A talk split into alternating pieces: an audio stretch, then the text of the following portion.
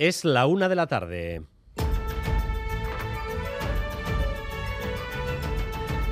Crónica de Euskadi con Dani Álvarez. A Rachaldeón, Donostia no va a dar más licencias para nuevos hoteles o apartamentos turísticos. El alcalde Eneco Goya admite que debe preservarse el equilibrio entre el centro y el resto de la ciudad después de que el turismo haya cambiado el paisaje donostiarra por completo, dificultando aún más el acceso a la vivienda para quienes viven en ella. Ahora mismo, en San Sebastián, hay 162 hoteles o pensiones y más de 1.300 pisos turísticos. El cierre a estas licencias será, en principio, durante un año. La razón de ser de esta decisión no es otra que la evolución ha conocido la ciudad durante estos últimos años en lo que a actividad turística se refiere. Se ha producido bueno, pues un incremento de esa oferta de alojamiento, pero siempre es bueno vigilar y controlar esa evolución y saber tomar decisiones para que nunca se rompa el equilibrio. Permitir que Donostia siga siendo una ciudad en la que los ciudadanos vivamos a gusto, por supuesto, en la que la actividad turística tenga importancia y relevancia como la tiene, y lo ha sido siempre así a lo largo de nuestra de los últimos años y es una tradición de nuestra ciudad, pero eso hay que cuidarlo. El acceso a la vivienda se está endureciendo cada vez más en las grandes ciudades y esto confluye con la inflación, que afecta y mucho al precio de los materiales de construcción. Desde hace un año hemos conocido casos de retrasos o incluso cancelaciones de obras porque los presupuestos se están viendo superados por la realidad. Pero lo cierto es que lo que ayer se confirmó es el caso más relevante de lo ocurrido hasta ahora en Euskadi. La quinta torre de Garellano en Bilbao paralizada porque a la constructora no le dan los números para pagar a sus proveedores.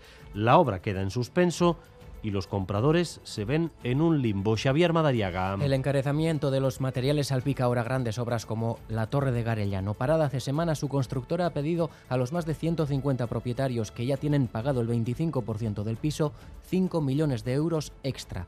Se le ha dicho que no y ahora esperan que otra constructora se haga cargo. Mientras tanto, a pie de obra, esta mañana hemos encontrado al encargado de seguridad del jefe de obra y poco más. Allí no se mueve nada y así llevan semanas. Mientras el PSOE y Unidas Podemos avanzan por fin en la ley de vivienda, una ley que parece que finalmente no incluirá un tope radical a la subida de los alquileres, pero que va a contribuir a bajar el tono tras un 8M en el que los dos socios parecían cualquier cosa menos socios. Madrid, Miquel Arregui. Sí, el PSOE intenta cerrar filas con su socio de coalición. Asegura que el acuerdo sobre la ley de vivienda estaría muy cerca con un tope provisional al alquiler del 3%. Aún así, desde Unidas Podemos niegan la mayor. Dicen que hoy no estamos más cerca que ayer del acuerdo y que se necesita una ley para una regulación efectiva de la vivienda. Mientras, PSOE y Unidas Podemos siguen sacudiéndose de la resaca del 8 de marzo que sirvió para evidenciar que las relaciones entre los dos socios de coalición viven su peor momento.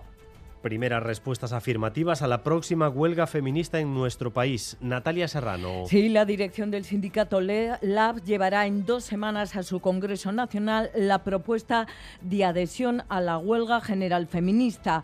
ELA confirma que trabajarán con el movimiento para dar forma a esa iniciativa. También lo hará el movimiento de mujeres pensionistas, adhesiones que en el movimiento feminista de Euskal Herria se acogen ya como antesala de una respuesta importante. Amaya Zubieta, portavoz. Eh, que tomemos el liderazgo, el movimiento feminista, pero que sería que hay una respuesta que ya ha empezado desde el ámbito sindical o asociativo eh, y de, colectivos, eh, creemos que entonces esto va a tener un eco importante y anuncian que en los próximos meses seguirán las reuniones con colectivos de diferentes ámbitos y los relacionados expresamente con los cuidados. Navarra tendrá por fin la competencia de tráfico a partir del 1 de julio. Hoy es un gran día para Navarra y para el fortalecimiento de nuestro autogobierno. Hoy damos un paso histórico, otro más que sumar a los que ya hemos dado a lo largo de esta legislatura, que es sin duda la legislatura que más se ha avanzado en autogobierno desde hace más de 25 años. El PSE habló la semana pasada de acuerdos postelectorales y esta semana Otegui ha pedido pactos diversos. Y esta semana también el PNV y el PSE han admitido ritmos distintos sobre algunas de las propuestas que defienden unos y otros, como por ejemplo la semana de cuatro días laborables. Así que esta mañana en Boulevard, José Antonio Asensio, el secretario general de los socialistas guipuzcoanos, se refería así a la lealtad del PNV. Yo creo que hay margen de mejora, claro que sí, siempre lo hay. ¿no? El Partido Socialista ha sido absolutamente leal en todos los gobiernos que, que hemos pactado. Es, en este caso ha sido con el PNV y yo sí me siento leal. Yo creo que hay margen de mejora, claro que sí, siempre lo hay.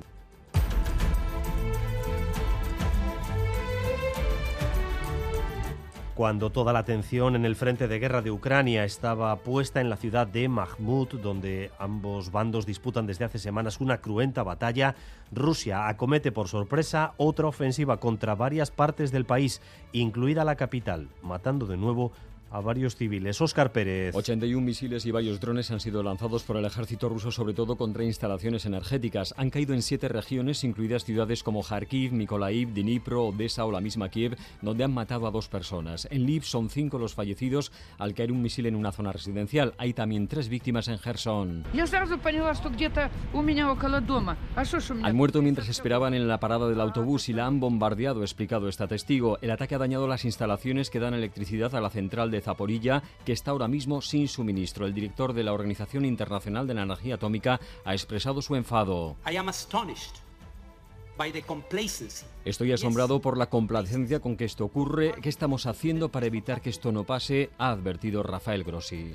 La familia de un menor de Vitoria denuncia a dos agentes de la policía municipal. Él viajaba en un patinete eléctrico, le dieron el alto, al parecer no se detuvo y tras la persecución, según relata él, le agredieron y le rompieron la nariz. Sonia Hernando. Ocurría este lunes en el barrio de Zabalgana cuando Aymar, un joven de 16 años, huyó de una patrulla de la policía local después de cruzar un paso de cebra montado en el patinete. Según su familia, se asustó y huyó, aunque tras la persecución paró y se bajó del patinete. Gasteiz hoy ha difundido un vídeo grabado por los vecinos en el que se ve el arresto. El padre de Aymar, Carlos, nos contaba cómo fue la detención y empezaron pues a pegarle puñetazos, eh, codazos, eh, rodillazos en los genitales, en los costados, eh, calmantes como él dice en el cuádriceps la familia denuncia la desmesurada violencia policial de los agentes. El joven tuvo que ser evacuado al hospital en ambulancia. Desde el ayuntamiento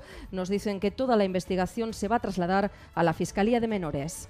Las Juntas Generales de Vizcaya presentan la exposición Mujeres Artistas en el siglo XXI, Emen Gaudé. Son obras, entre otras, de Maripuri Herrero, Lide Calzada, Mara Ona, Ángela Rivas o Dora Salazar, a quien escuchamos. No tengo muchos años, pero tengo unos cuantos. Acabo de cumplir 60, ¿no? Entonces ya es mucha trayectoria, ya son, pues eso, 20 hasta 60, ¿no? Entonces ya hay como una acumulación de obra. Entonces vernos aquí con otras generaciones, la verdad que es chulo, ¿eh? Porque llega un momento que parece que eres invisible también, ¿no? Cuando eres mayor, ¿no? Entonces un poquito de visibilidad, la verdad que lo agradezco mucho.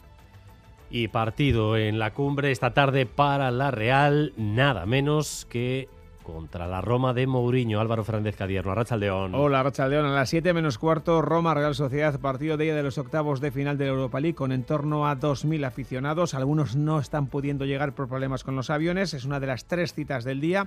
También en fútbol, 7 menos 25 en Tajonar, Osasuna Athletic, cuartos de final de la Copa del Rey a partido único.